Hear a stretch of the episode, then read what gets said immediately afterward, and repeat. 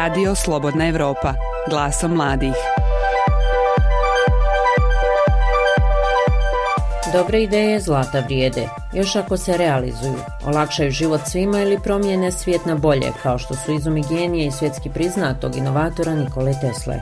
Koliko se inovativnost cijeni u Bosni i Hercegovini? Brojne svjetske nagrade i priznanja koja već decenijama stižu za ono što su izumili BH inovatori pokazuju da je inovativnost i kreativnost i tekako prisutna u Bosni i Hercegovini. Jedna od mladih inovatorica, članica asocijacije inovatora BiH, Nadja Zupčević objašnjava otkako su se registrovali, osvojili su preko 1200 e, svjetskih nagrada i asocijacija e, broji preko 400 članova i članica inovatora. Dakle, u Bosni i Hercegovini postoji jedan jako veliki ekosistem inovatora, i inovatorica koji kreiraju zaista odlične inovacije i odlične patente. Ali drugi inovator, Salko Užičanin, govori koja je suština problema. Ja znam dosta mladih ljudi iz Bosne i Hercegovine koji imaju inovacije, međutim nemaju priliku da ih plasiraju. Završili su pravnu proceduru zaštite svoje intelektualne svojine, međutim nemaju neku viziju šta dalje ko podržava mlade inovatore, koliko im je teško da patentiraju svoj proizvod, te koliko je dug put da se njihovi proizvodi nađu na tržištu, poslušajte u novom izdanju podcasta Radija Slobodna Evropa, Glaso mladih. Ja sam Aida Đugumov i ostanite sa nama. Slušate podcast Glaso mladih. Sarajka Nađa Zupčević prije nekoliko godina osmislila je svoj patent antibakterijskog podmetača za WC daske. Antibakterijska daska za toalet je namijenjena svim lokalima gdje je velika frekvencija ljudi, kao što su kafići, restorani, tržni centri, škole, bolnice i tako dalje. Ima sposobnost da uništava bakterije 99,8% i može da traje između 5 do 10 godina. Mislim, pozitivno je u tom smislu zbog cijele ove situacije sa COVID-om. Ova 28-godišnja magistrica biohemije i fiziologije ideju je dobila sasvim slučajno moja ta želja za inovacijama i kreiranje tih inovacija javila se 2016. godine iz neke uobičajene komunikacije sa prijateljima gdje smo govorili često o nekim problemima. Jedan od problema koji smo mi tada isticali bio je problem upravo odlaska u javnim toaletima gdje smo stalno pričali o tome kako nam je teško kada posjećujemo javne toalete i kako nikada zapravo ne koristimo toalet dasku. Upravo na osnovu toga smo s vremena na vrijeme izbijali neke šale vezano za to. Međutim, ja sam više o tome istraživala jer sam htjela da pronađem najefikasnije hemikalije kombinacije njih i kako, na koji način mogu da kreiram antibakterijsku dasku za toalet. Prvobitno je bila ideja da to bude antibakterijski podmetač za toalet dasku koji će se moći stavljati na sve postojeće već toalet daske. Međutim, kasnije smo uvidjeli da to nije efikasno rješenje e, zbog toga što se e, u javnim mjestima taj podmetač lako može uzeti. E, s tim u vezi prvu tu svoju ideju a, sam naravno prvo predstavila svojim prijateljima. A, naravno kada sam im spričala a, e, ideju koju imam za, za antibakterijsku dasku za toalet, a, u prvom trenutku su mislili da se šalim, međutim kada sam im objasnila kako će ona funkcionisati, kako zapravo može djelovati i kako zapravo na osnovu antibakterijske daske za toalet možemo da napravimo razne druge predmete za koje je nama bitno a, da a, djeluju antimikrobno kao što su a, drške za vrata, utične željeznice, gotovo uh, u javnim uh, sredstvima uh, prijevoza i tako dalje, jel, u bolnicama i klinikama i te stvari. I njima se ta ideja onda svidjela i uh, prvi put smo potom se uh, prijavili na turniru društvenih inovacija koje je tada objavila fondacija Mozaik i otišli smo na to takmičenje čisto da vidimo šta drugi ljudi misle o toj ideji koju smo kreirali. Naravno da sam kreirala na tom samom početku tim jer sam htjela da e, imam ljude oko sebe koji će sa mnom raditi na toj inovaciji a koji su iz različitih drugih branči kao što je elektrotehnički fakultet, medicina, hemija i tako dalje. Tako da smo mi nekako jedinili naša znanja, otišli, predstavili našu inovaciju i tada smo osvojili na naše iznenađenje prvo mjesto i prvu početnu investiciju od fondacije Mozaik da kreiramo naš prvi prototip što smo i učinili. No, već prve prepreke uslijedile su nakon predstavljanja izuma na turniru društvenih inovacija pod pokroviteljstvom Fondacije Mozaik i nakon prve investicije za kreiranje prvog prototipa njenog inovativnog proizvoda. Međutim, kako je vrijeme prolazilo, svakako da smo vidjeli da bez obzira što imamo neku ideju i što pokušavamo da kreiramo prototip, to naravno nije nimalo jednostavan proces i tek tada smo uvidjeli zapravo koliko vremena za to treba i uvidjeli smo zapravo koliko izostaje podrška naše države kada je u pitanju istraživanje, kada je u pitanju razvoj, kreiranje inovacija i patenata. S obzirom na to da je naša inovacija imala potencijal da se patentira, ja sam odlučila da patentiram svoju inovaciju. Istražujući na internetu vidjela sam da recimo asocijacija inovatora nema svoju web platformu gdje bi te neke informacije mogla lahko da pronađem. Na institutu za intelektualno vlasništvo, na njihovoj web stranici sam naišla na dosta materijala koje mi je poslužilo i onda sam otišla i direktno u institutu za intelektualno vlasništvo Bosne i Hercegovine gdje su me dodatno informisali na koji način mogu da patentiram svoju inovaciju. Međutim, s obzirom na to da je proces patentiranja poprilično težak i kompleksan i nije to toliko jednostavno, jednostavno um, htjela sam da vidim da li u Bosni i Hercegovini postoje edukacije koje se nude koje se tiču patentiranja, kako da patentirate svoju inovaciju, jer uh, pisanje patentnih zahtjeva je ono što je ključno, a ono i i što, je, što nije ni malo naravno uh, jednostavno. Naravno vidjela sam da ne postoje tada uh, nikakve edukacije koje se nude da bi se mogla informisati kako nešto da patentiram i ko bi mi mogao pomoći u tom cijelom procesu i također e, primijetila sam da e, također izostaje i podrška što se tiče financija ako želimo nešto patentirati. E,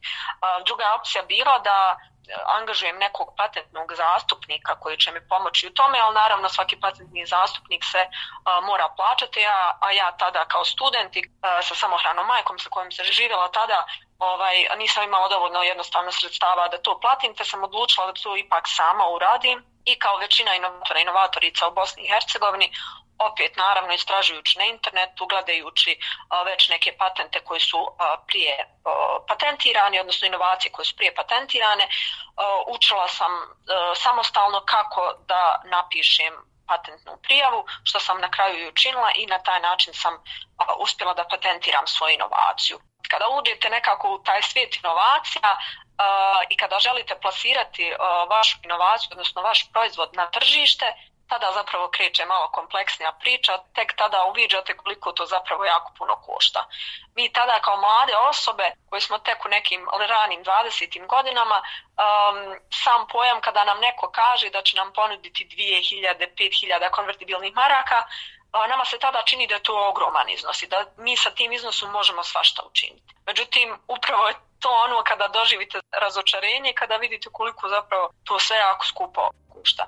Tako, na primjer, za moju inovaciju, antibakterijsku dasku za toalet, na tom samom početku, dok sam, ne znam, kreirala prototip, uradila testiranja, uradila tehničku dokumentaciju, sada trenutno radimo neku reklamu, sve to je ukupno iznosilo 15.000 konvertibilnih maraka. Nađa pojašnjava da Federalno ministarstvo za preduzetništvo i razvoj i obrt te Ministarstvo civilnih poslova BiH daju poticaje inovatorima, a ti pozivi se objavljuju jednom godišnje. Ja sam aplicirala na oba ta poziva i e, dobila sam ukupno e, 8000 konvertibilnih maraka od njihovih e, poticaja i sa tim sredstvima sam uspjela već što sam spomenula da uradim tehničku dokumentaciju za svoju inovaciju i da uradim dva prototipa i dodatna testiranja koja su mi bila potrebna. Rekla sam već da smo 2016. godine krenuli sa tom inovacijom, međutim potraga za firmom koja će mi zapravo kreirati prototip uh, i koja će uraditi testiranja trajala je doslovno godinu dana. Uh, mi u Bosni i Hercegovini smo išli kod raznih firmi, razgovarali sa njima, objašnjavali kako to treba da funkcioniše i malo je bilo komplikovano jer u pitanju patent, da smo svaki put prilikom razgovora morali da potpisujemo NDA i ugovore i tako slično i to je poprilično dugo trajalo, već smo gubili svaku nadu, mislili smo da možda je bolje da uradimo 3D sa 3D printanjem naš prototip, međutim onda smo vidjeli da je to tek preskupo, tako da smo odustali, ali evo nakon godinu dana smo pronašli a, firmu u Hrvatskoj koja nam je a, uspjela a, to uraditi. No kada je u pitanju inovacija antibakterijska daska, u fazi smo toj da želimo da uradimo reklamu i da se prijavimo na neku od crowdfunding kampanja. Šta to zapravo znači? Želimo da, uh, zahvaljujući crowdfunding kampanji, video snimku kojeg pasiramo, da skupimo sredstva koja su nama potrebna za kalupe za ovu inovaciju. E, kalupi koji su potrebni za ovu inovaciju koštaju 150.000 konvertibilnih maraka, tako da su to poprilično onako velika sredstva, ali evo vidimo na crowdfunding kampanjama kao što su Kickstarter, Indiegogo i tako to, ovaj, da, da se mogu e, prikupiti sredstva, samo je dakle pitanje da li će tržište prepoznati potencijal vaše inovacije i koliko je zapravo inovacija vaša a, potrebna. Nađa Zupčević osmislila je projekt razvoja nove generacije inovativnih mislilaca u BiH pod nazivom Trezor BiH inovacija – Taj projekat podržao je Centar za promociju civilnog društva u kojem je nađa nakon volontiranja i dobila posao. Cilj ovog projekta je provesti mlade ljude kroz proces inovacija, ohrabriti ih da istražuju mogućnosti i osnažiti da otkriju nove načine za poboljšanje života zajednice. Nađa i njen tim dobili su brojne nagrade za njihovu inovaciju. Osvojila sam na desetine zlatnih, srebrnih i bronzanih medalja, među kojima bi um, najviše zapravo istakla uh, Semi Grand Prize koji sam osvojila prošle godine u Seulu. To što je to bilo veliko takmičenje gdje je prisutovalo preko 30 zemalja iz cijelog svijeta. Uh, I u Seulu sam otišla ja lično da predstavljam svoju inovaciju i inovacije od drugih naših inovatorica, bosansko-herskovačkih inovatorica. Uh, I većina ljudi sa kojima sam razgovarala uopšte nisu znali ni gdje je Bosna i Hercegovina. Mislili su ljudi da, da smo onaj, u Africi i tako to. I moment taj kada su prozivali moje ime, da stanem pored drugih svjetskih giganata i, i, i zaista zemalja koji su ispred nas što se tiče e, tehnologije, vjerovatno stotinama godina ispred nas, bilo mi onako, baš, baš sam bila preponosna što stojim na bini uh, rame uz rame uh, u okviru tog takmičenja. I tada smo i pokazali i dokazali da jedna mala Bosna i Hercegovina je zapravo velika zemlja, upravo velika po, po nama, po mladim ljudima i da možemo da idemo u korak sa svjetskim gigantima. Svoje iskustva za podcast Glasom mladih podijelila je Nađa Zupčević, mlada inovatorica.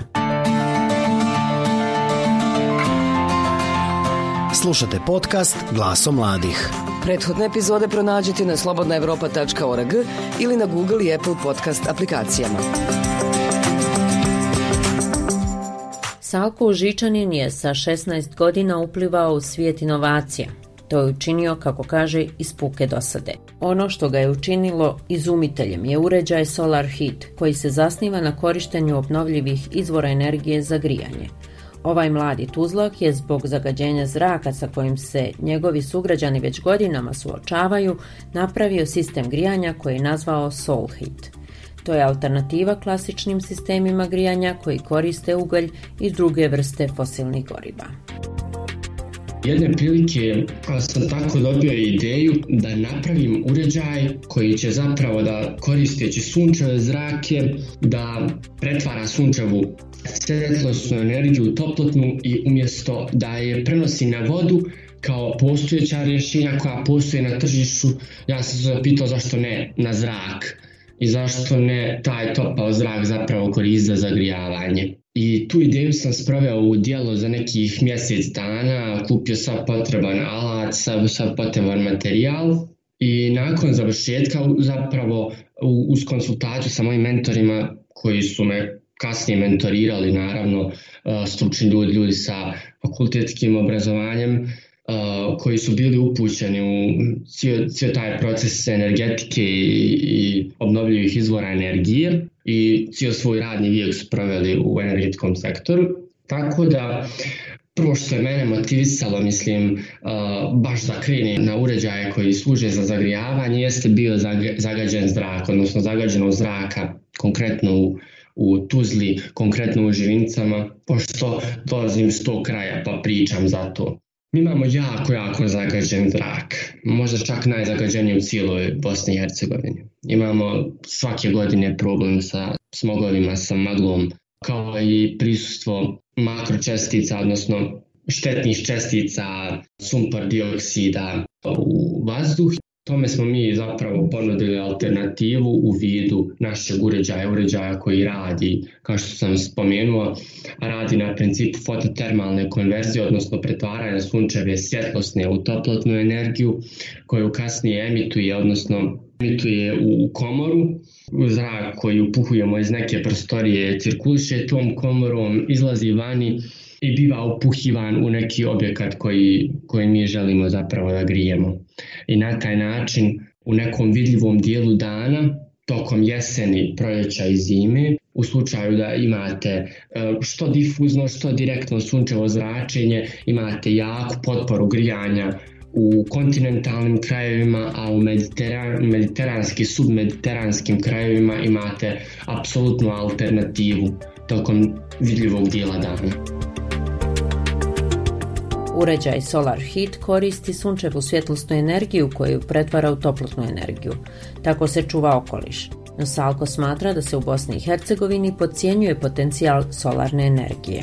Ipak, njegov rad je bio prepoznat i prihvaćen. Učestvovao je u projektima pametne škole nakon jednog takmičenja koje je organizovala Zelena akcija iz Zagreba, Brodsko-Posavsko društvo, Centar za razvoj i podršku iz Tuzle, internacionalnog takmičenja inovatora gdje smo mi osvojili prvo mjesto. Imali smo najviše bodova od svih učesnika na takmičenju, a nakon toga zapravo počinje taj proces mentoriranja. Jer smo mi otišli na to takmičenje s prototipom i rekli šta može. Međutim, za neke komercijalne svrhe oni su vidjeli da to ima, da ima provođu na nekom komercijalnom nivou i savjetovali su me. Po principu ovo bi se moglo iskoristiti da jednostavno se plasira i da se ponudi alternativa, to ne ostane zapravo na tom blueprintu. Kad već imaš uređaj, ponudi ga drugima, da i oni mogu da imaju korist od njega. E, na primjer, uh, uređaj je u stanju da pravi uštedu jedan prostor od 40 kvadratnih metara, instalirate uh, jedan uređaj i na nivou grijne sezone on vam uštedi nekih 40-45% energenta. U slučaju da ste u sistemu toplifikacije, manja su izdvajanja računa za grijanje, zapravo novca za račun. Tako da kad smo sagledali sve, rekli smo ok, imamo na tržištu već postoje uređaje koji griju vodu na sunčevu energiju, sad ćemo mi da vidimo kakva je njihova efikasnost i mi smo našli da je, ne znam, da najbolji svjetski evropski kolektori imaju efikasnost od 91-2%, a griju vodu. Voda je termofilan spoj, spoj koji lako upija toplotu. Što se tiče prepoznavanja, odnosno afirmacije uređaja koji sam ja nazvao Soul Heat, uređaj je po meni jako dobro afirmisan. Prvo, samim tim takmičenjem koji je organizovan u sklopu projekta Pametne škole, mi smo osvojili prvo mjesto. Onda nakon toga učestvovali smo na još par sajmova, dobijali smo nagrade na tim sajmovima. Učestvovali smo na sajmu privrede u Sarajevu, učestvovali smo na sajmu privrede u Belgradu, predstavljajući taj uređaj. Osvojili smo prvu nagradu u Albaniji, u Tirani, e, na Balkan Green Foundation takmičenju, e, Balkan Green Ideas e, dobili smo na tom takmičenju skoro 20.000 maraka podrške. Dobili smo investiciju zapravo od fondacije Mozaik za, za pokretanje društveno odgovornog biznisa. Svakako imali smo podršku i od u početku, od same porodice, od roditelja. Salko je sada 20-godišnjak. Smatra da se treba afirmisati u tom smjeru, a što se tiče inovacija, to za sada kaže da je hobi jako je teško mladim inovatorima, odnosno inovatorima globalno, da, da budu afirmisani, odnosno budu prepoznati. Problem je s inovacijama što vi ukoliko prije predavanja zahtjeva za zaštitu vaše inovacije kao vašeg intelektualnog vlasništva, ukoliko izađete u javnost s tim uređajem, i predstavite ga, vi gubite pravo na zaštitu svoje intelektualne svojine. Tako da imaju neke pravne procedure prije toga koje se moraju ispoštovati, gdje mladi inovatori, odnosno inovatori generalno, ostaju uskraćeni za neku promociju. A, ja mislim da na zapadu, konkretno u Velikoj Britaniji, kod njih je puno više se ulaže u inovacije u nekom privatnom sektoru tipa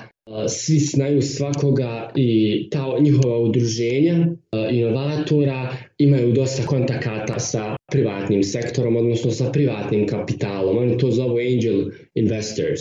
I jednostavno, automatski, čim prođe ta pravna procedura zaštite, oni kontaktiraju nekog za kog misle da neko može to komercijalizovati. A samim tim oni su riješili 90% posla. Taj inovator odlučuje da li on želi sam da proizvodi ili želi da proda pravo ili nešto slično. Dok ovdje, na primjer, inovatori imaju veliki problem sa plasmanom proizvoda. Ja znam dosta mladih ljudi iz Bosne i Hercegovine koji imaju inovacije, međutim nemaju priliku da ih plasiraju. Završili su pravnu proceduru zaštite svoje intelektualne svojine, međutim nemaju neku viziju šta dalje. Ne mogu da nađu novac kako bi sproveli tu eventualnu djelo ako je u fazi blueprinta, odnosno nacrta. I kad im se ponudi neka opcija, to je isključivo za otkup prava, tipa dobit ćete toliko i toliko novca, a što je obično jako, jako malo, za razliku od toga šta će ta osoba koja vama plati pravo postići time, uđe u priču, eto daj i riješi se na vrijeme kad već možeš, bar se malo koristi, što je meni totalno pogrešan pristup, ne trebamo da težimo da neku inovaciju zapravo isključivo komercijalizujemo u tom najgrubljem smislu, u smislu profita, u smislu zarade. Inovacije zapravo trebamo da ponudimo onima, zapravo svakom inovatoru koji krene sam, profit, vjerujte, nije prvom. Jednostavno bitno mu je da to što on napravio radi i da to ljudi koriste. To je svakom inovatoru najveća satisfakcija. Za podcast Glasom mladih govorio je inovator Salko Žičanin. Slušate podcast Glasom mladih. Prethodne epizode pronađite na slobodnaevropa.org ili na Google i Apple podcast aplikacijama. Nekadašnji zvanično najbolji srednjoškolac u Bosni i Hercegovini, Kenan Suljić iz Srebrenika, sa svojim timom napravio je aplikaciju za depresiju mentalne bolesti DIEP. Srednju školu završio u Tuzli, a danas je student medicine u Sarajevu. Tek mu je 19 godina, a već inspiracija i starim od sebe. U životu se ništa ne tiče samo onog jednog, da kažemo da nešto krećemo zbog novca, nego baš suprotno s neke druge strane, to jeste društvo i potrebe društva.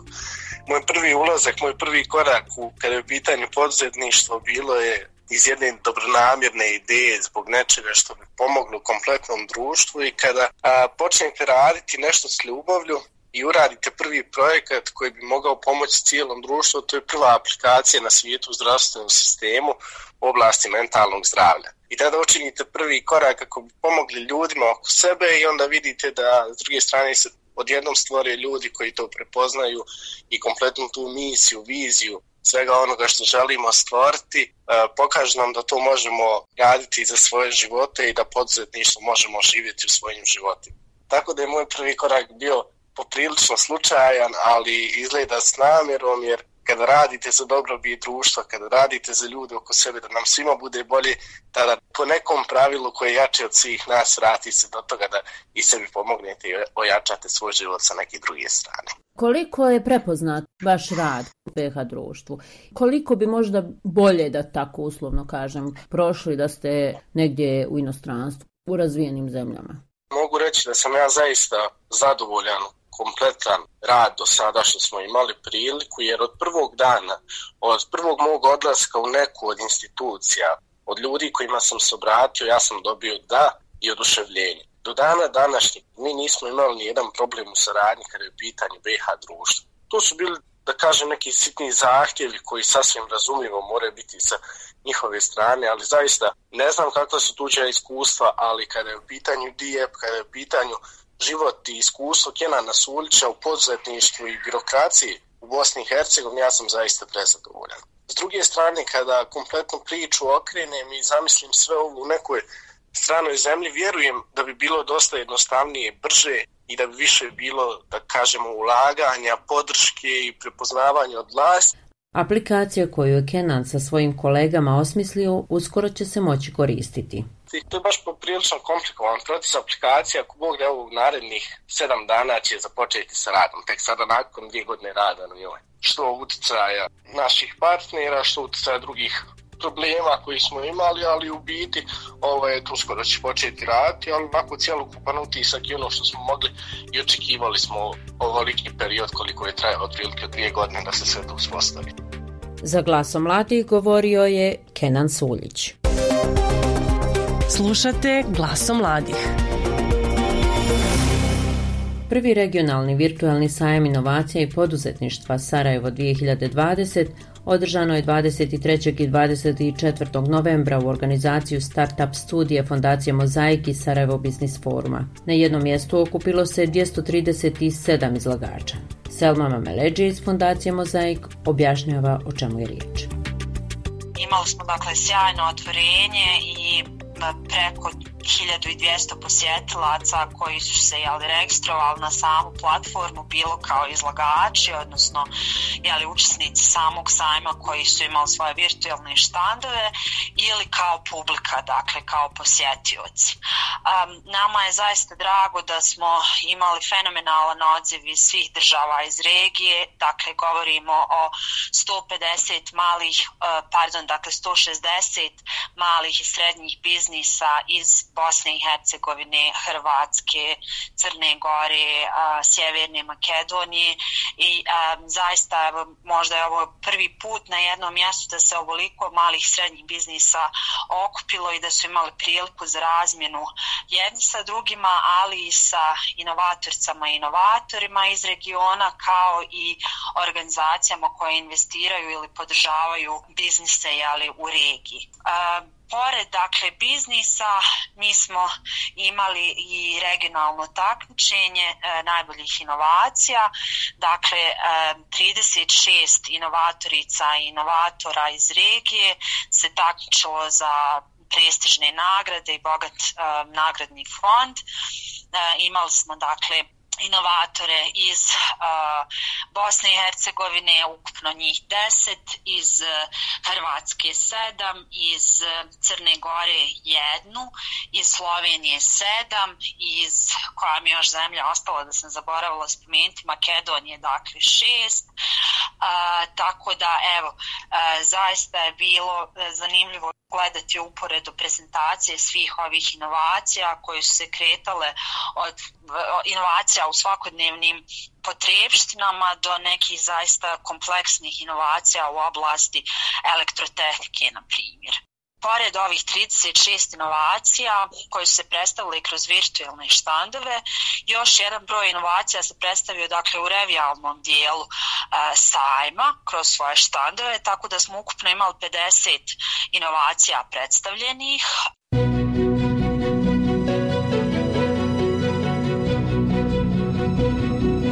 Slušate podcast Glaso mladih. Prethodne epizode pronađite na slobodnaevropa.org ili na Google i Apple podcast aplikacijama.